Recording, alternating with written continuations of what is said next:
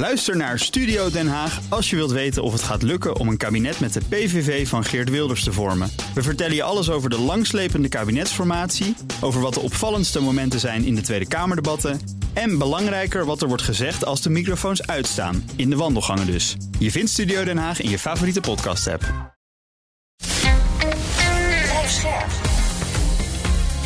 BNR Nieuwsradio.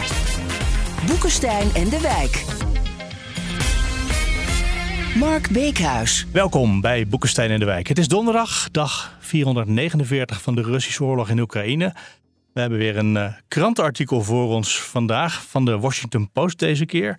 Uh, Arend Jan, wat moeten we weten van het artikel? Nou, het is eh, gepubliceerd 13 mei en de titel is Zelensky in private plots bold attacks inside Russia leaks show. Dit gaat dus over de gelekte documenten via dat Discord messaging platform waar we veel eerder over gesproken hebben.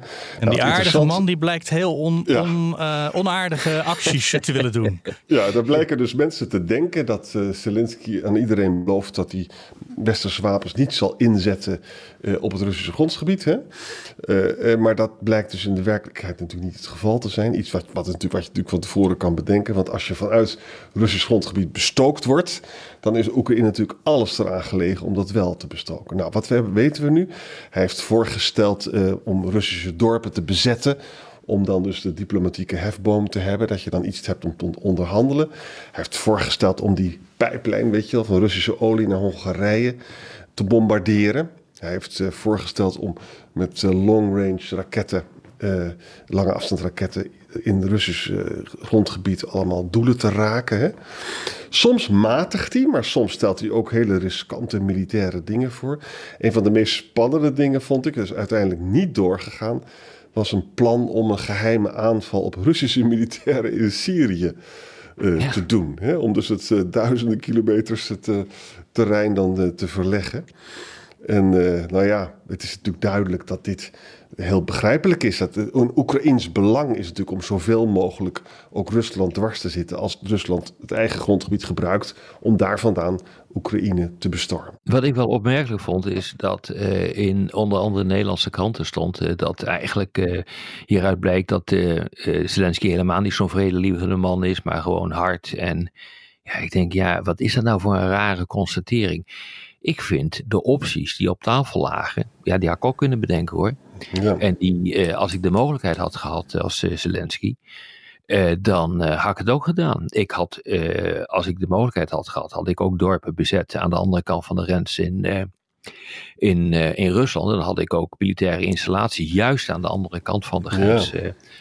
getroffen. Want dat, ja, dat is gewoon feitelijk horizontale escalatie. En het is ook heel erg slim. Hè? Je wordt zeg maar in het noorden en het zuiden aangevallen en je uh, richt uh, schade aan. Uh, je bezet dorpen in Rusland, laten we zeggen in het oosten, ik, ik, noem maar wat.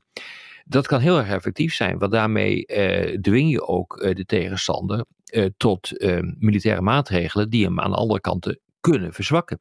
dus ik vind dat niet zo vreemd. Militair is het wel handig, hoor ik je zeggen, maar... Ja, zeker. Maar... Nou ja, nou eigenlijk, eigenlijk niks maar. Uh, het enige is dat als je militaire steun wil krijgen van bijvoorbeeld de Amerikanen, dan zeggen ze uh, uh, dat gaan we dus niet doen.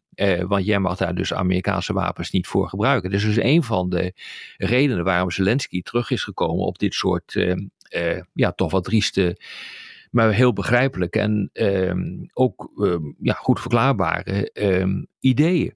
Kijk, het, het, het meest interessant vind ik eerlijk gezegd uh, dat die die Druzhba-pijpleiding wilde opblazen.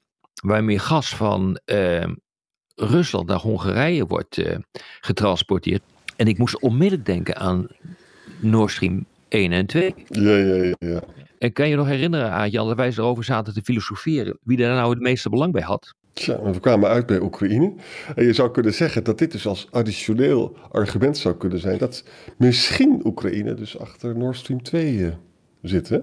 Dat zou je kunnen ja, zeggen. Ja, want Amerika die zou, eh, als die de pijpleiding opblaast, uh, de NAVO opblazen. Rusland die kan net zo goed de kraan dichtdraaien, dus die hoeft dat helemaal niet te doen. En, en, en, en schaadt daarmee ook zijn toekomstig verdienvermogen.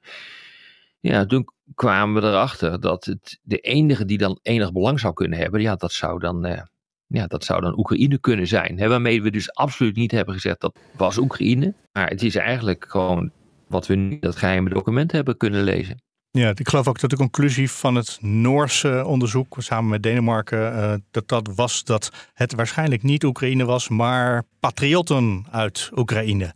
Uh, dus dat ze dezelfde logica ja, misschien ook wel gevolgd hebben als jullie. En dan uh, niet de regering exact, verantwoordelijk maken. Dat is helemaal waar. Ja, dat hoeft niet eens dat hoeft niet eens Zelensky eh, te zijn geweest of daar opdracht eh, toe te hebben gegeven. Maar dat zouden ook patriotten kunnen zijn. Maar het is wel eh, interessant om te zien dat dus diezelfde logica nu ook in dit stuk wordt gevolgd. Dezelfde logica die wij volgden ehm, in onze eigen eerdere uitzendingen. Maar nogmaals, dat wil of Oekraïnse patriotten er ook daadwerkelijk achter zitten. Dat moeten we wel even heel nadrukkelijk zeggen. Ja, deze documenten zijn gelekt via de VS.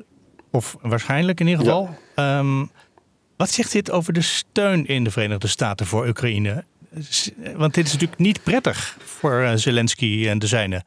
Nou, daar kan je wel wat over zeggen. Kijk, het is heel duidelijk dat Amerika en Biden hebben gezegd... die ATACMS die gaan we gewoon niet geven. Nou, nu zou je kunnen zeggen op basis van die gelekte documenten... dat is heel verstandig, want uh, Zelensky heeft gewoon nagedacht over uh, lange afstand raketten en dan, dan dat te gebruiken voor aanvallen van Rusland. Hè? Nou, dat brengt mij tot de volgende conclusie. Van de, dus Biden doet dat niet.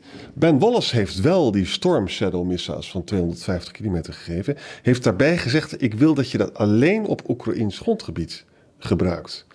Nou, ik weet niet of Zelensky daar zich aan gaat houden. En zeker niet als hij, als hij eh, in het nauw wordt eh, gebracht.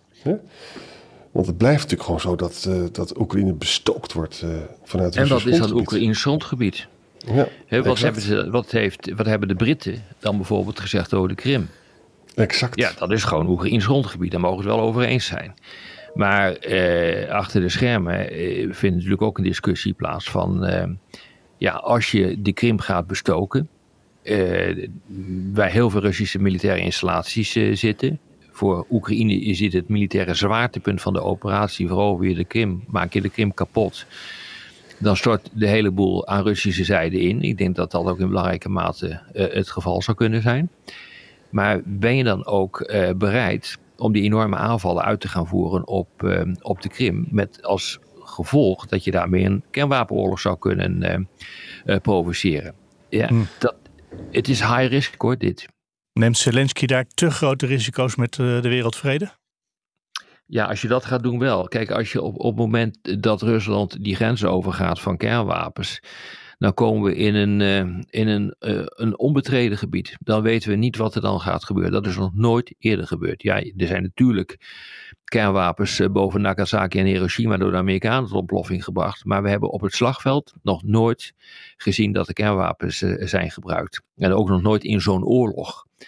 Um, ja, wat er dan gaat gebeuren, dat weten, dat weten we gewoon niet. In Japan werden de wapens natuurlijk ook pas gebruikt nadat de oorlog eigenlijk al gewonnen was van de Japanners. Ja, zeker. Dus dat maakt ook verschil. Dat is een enorm groot verschil. Uh, maar het is dus wel gebeurd. En sindsdien is men buitengewoon terughoudend uh, geworden met, uh, met dreigementen van kernwapens. Behalve Poetin. Behalve Poetin, ja. Wat ik interessant vind, jongens, hoe moet nou toch de relatie zijn tussen Verenigd Koninkrijk en Amerika? Amerika heeft gezegd, we willen helemaal geen aanval op de Krim. En je krijgt die ATACMS niet. Ben Wallace heeft daar niks over gezegd. Want nee, zou, dat klopt. En, en het kan ook zomaar gebeuren, die Storm Shadows wel worden ingezet op Want dat is namelijk Oekraïns grondgebied. En, dat, en als dat gebeurt, dan is dat, dat iets dat de Amerikanen niet gewild hebben. Ja, of misschien is er een deal gemaakt tussen de Britten en de Amerikanen van kijk maar wat er gebeurt. En als uh, het allemaal uh, wel losloopt met die Russen, dan gaan wij ook leveren. Het, het, je, kan ook, je kunt kan dat ook. ook weer niet uitsluiten hoor. Je kunt dat ja. echt niet uitsluiten, dit soort uh, redenering. Ja. Maar goed, het, kijk, de teneur van het stuk is dat er dus heel erg strategisch wordt nagedacht in, uh, in Oekraïne. Ook met betrekking tot dat plan om Russische strijdkrachten met de hulp van de Koerden in Syrië aan te pakken. Uh, en zo een nieuw slagveld te creëren, waardoor Rusland eigenlijk op meerdere fronten moet gaan vechten. En ook nog eens keer fronten die echt duizenden kilometers bij elkaar vandaan uh, liggen. Ja, dat is wel strategisch gedacht hoor. Kijk, dat het allemaal niks uh, is uh, geworden, dat doet er nu even niet toe. Maar het feit dat je zo denkt, betekent wel dat je echt goed nadenkt over de strategie. Beter in ieder geval dan, dan de Russen die eigenlijk maar wat aangeklungeld hebben de afgelopen, het afgelopen jaar.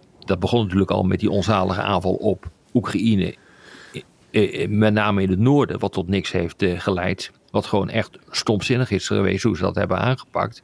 Maar hier zie je echt dat er scenario's worden ontwikkeld. Er wordt gekeken van hoe kunnen we dat uitvoeren? Is het verstandig? Wat zeggen de bondgenoten ervan? Als de bondgenoten zeggen van dat doen we, doen dat maar niet, dan gebeurt het ook niet. Dus hier wordt echt een mooi kijkje gegeven hoe het denkwerk achter de schermen gebeurt. Want Oekraïne heeft alleen dus maar met bewapende eigen drones aanvallen uitgevoerd in Rusland. Hè? En niet, want ze hebben die ATACMS niet en ze hadden die Storm Shadows ook nog niet. Dus wat dat betreft is het nog steeds netjes. Dat kan natuurlijk wijzigen als we straks klem komen te zitten in, uh, uh, in de Donbass. Uh, want ja, dan, dan wordt de druk zo groot. Want dit is de, veel mensen praten over de laatste kans voor Oekraïne, weet je wel? Dit, deze herfst. Ja. Ja, dit is echt een hele spannende tijd die we nu tegemoet gaan. Dat is natuurlijk de hele tijd al, maar het gaat met ups en downs. Maar wat we nu zien met het komende uh, offensief van, uh, van Oekraïne, ja, het is langzamerhand wel erop of eronder hoor. En uh, dit mag ook niet al te lang duren. Uh, want dan raak je ook uiteindelijk uh, de, de steun kwijt van het Westen, dat ook in toenemende mate moeite heeft om wapens te leveren. Uh, dus nu weer een enorme hoeveelheid wapens zijn er deze week weer toegezegd, maar dat wil niet zeggen dat dit eeuwig doorgaat. Kijk naar de munitie. De Europese Unie heeft toegezegd een miljoen granaten te leveren. Nou, ze weten volgens mij nog niet precies hoe. Hm. Ik denk dat we er zijn voor vandaag. Ik denk, Ik het, denk ook. het ook. Rob, Arend, Jan, dank je wel weer allebei. Tot, Tot morgen. morgen. Tot Tot morgen. morgen. Dan weer met Hugo. Ja, Bij BNR ben je altijd als eerste op de hoogte van het laatste nieuws. Luister dagelijks live via internet. Bas van Werven. En heel langzaam komt de zon op rond dit tijdstip. Je krijgt inzicht in de dag die komt op BNR, het Binnenhof in Nederland en de rest van de wereld. De Ochtendspits. Voor de beste start van je werkdag. Blijf scherp en mis niets.